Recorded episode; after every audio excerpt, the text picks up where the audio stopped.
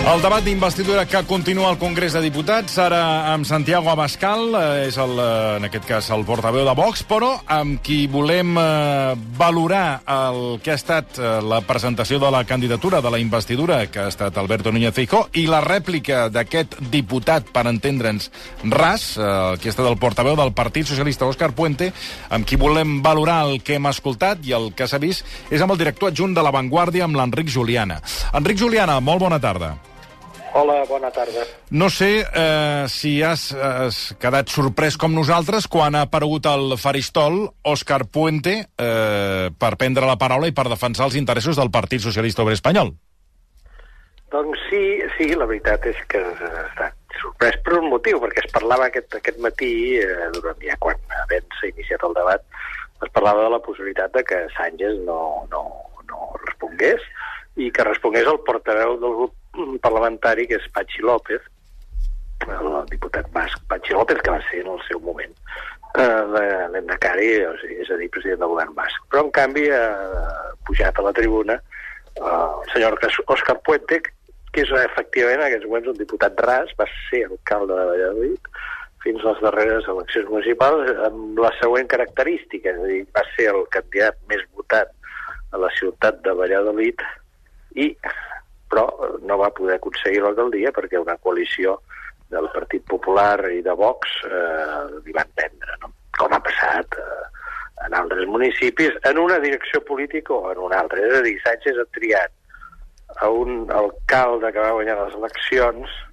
i que no va poder ser elegit per respondre a Núñez Feijó, que invoca la seva, eh, el fet d'haver estat el més votat com a dret, diguem-ne, per, per ser elegit president del govern. A més a més, Puente és eh, un orador fort i això ha quedat perfectament demostrat aquesta, aquesta tarda. Què, què, què t'ha semblat, eh, Òscar Puente, com a portaveu del Partit Socialista, amb tot el que ha dit, un discurs dur, eh, amb, amb coses, eh, crec que fins ara a l'hemicicle no s'havien dit, amb acusacions directíssimes a Feijó, fins i tot interpel·lant-lo a que ja no té carrera política al Partit Popular.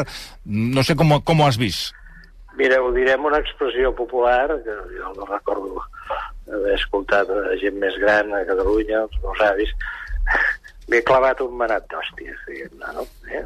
Crec que t'entendrem. És a dir, Feijó ha fet, un, ha fet el plantejament següent que ja es veia venir com a mínim dues o tres setmanes, que és convertir el, el debat d'investidura en moció de censura de moció de censura a un candidat que formalment, constitucionalment, encara avui no existeix, perquè Sánchez no és candidat a la presidència del govern en aquests moments.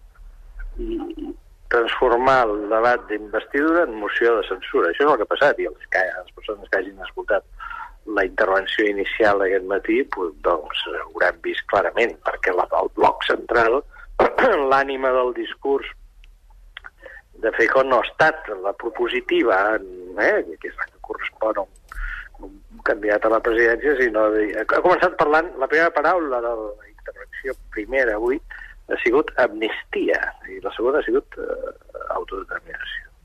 Per tant, davant la tàctica d'un de dir, escolta, jo el debat d'investidura, com que no el puc guanyar, em sembla que no el puc guanyar, el transformaré en el primer discurs de censura contra teu, L'altre respon, ja que no, jo no sóc candidat encara, et respondrà un altre, i et respondrà algú sense, bastant desinhibit, per dir-ho suaument, no? I això és el que està passant en aquests moments. Això ha provocat un uh, cabreig còsmic de Feijó, s'ha vist clarament, perquè li ha, ha trencat la dinàmica del, del, del debat, diguem clarament, no? Perquè, diguem si tu enfoques la discussió, la jornada, com una gran discussió pública entre ell i Sánchez, en el moment que l'altre no, no puja, doncs... Eh, M'ha recordat, en algun moment, potser si ho recordareu vosaltres, hi va haver una moció de censura de Pasqual Maragall a Jordi Pujol, si no recordo malament, em sembla que va ser l'any 2002. Maragall va presentar una moció de censura de Pujol, mm -hmm. al Parlament de Catalunya. Maragall va fer l'exposició i aleshores Pujol no va respondre. Va enviar Artur Mas qui va fer les respostes a la moció de la sí. va ser Artur Mas, que, uh -huh. que en aquell moment era conseller en cap, eh, i estava predestinat, predestinat a ser el, el futur candidat a Convergència d'Unió d'alguna manera, salvant distàncies, m'ha recordat aquell episodi. Uh, demà hi ha la votació. Uh, Feijó hauria de sortir per majoria absoluta. Divendres per majoria simple. Uh, avui sí. Òscar Puente ha enfatitzat amb la possibilitat, amb el, el concepte del tamallazo, que el Partit Popular permanentment busca trànsfugues. Li dones alguna possibilitat de que hi hagi algun transfuguisme divendres si finalment Feijó sigui president? No, no, sincerament, a veure, política mai es pot fer, es poden donar respostes eh, absolutament taxatives a les coses, i la política no és, eh, és variable constantment, però no, jo crec que no, crec que, que no hi haurà, això no es produirà, la tensió política que hi ha en aquests moments, l'antagonisme que havia quedat perfectament manifest entre el Partit Popular i el PSOE és, és, és notablement elevat, i no crec que això passi. Ara bé, jo crec que tota la campanya de pressió evident que s'està produint en aquests moments, sobretot a la ciutat de Madrid, a l'olla express política de Madrid, en el sentit de posar en dubte no? la unitat, la cohesió del grup parlamentari socialista en aquest procés de recerca d'un president del govern. Crec que l'objectiu final no és tant aquesta votació, perquè fixeu-vos una cosa, vull dir, donar el vot perquè Feijó pogués sortir president del govern, quatre diputats socialistes haurien de votar a favor. Mm -hmm. Quatre. O bé, set s'haurien d'abstenir. En els dos casos es produiria un resultat que li donaria la, la, la presidència en la segona votació, la de divendres. Més vots favorables que desfavorables. Però això és transfugisme pur i dur, perquè no es tracta només d'expressar una dissidència, sinó que tu dones la victòria al partit eh, rival, diguem no? Ara bé, la pressió jo crec que es dirigeix pensant en el que vindrà després. Què és el que vindrà després? Previ, previ, previsiblement, pues, la designació de Sánchez com a candidat i una sessió d'investidura de Sánchez en la qual, si es produeix, voldrà dir que s'ha arribat a alguna mena d'acord amb Junts per Catalunya i Esquerra Republicana i el PNB. Mm -hmm.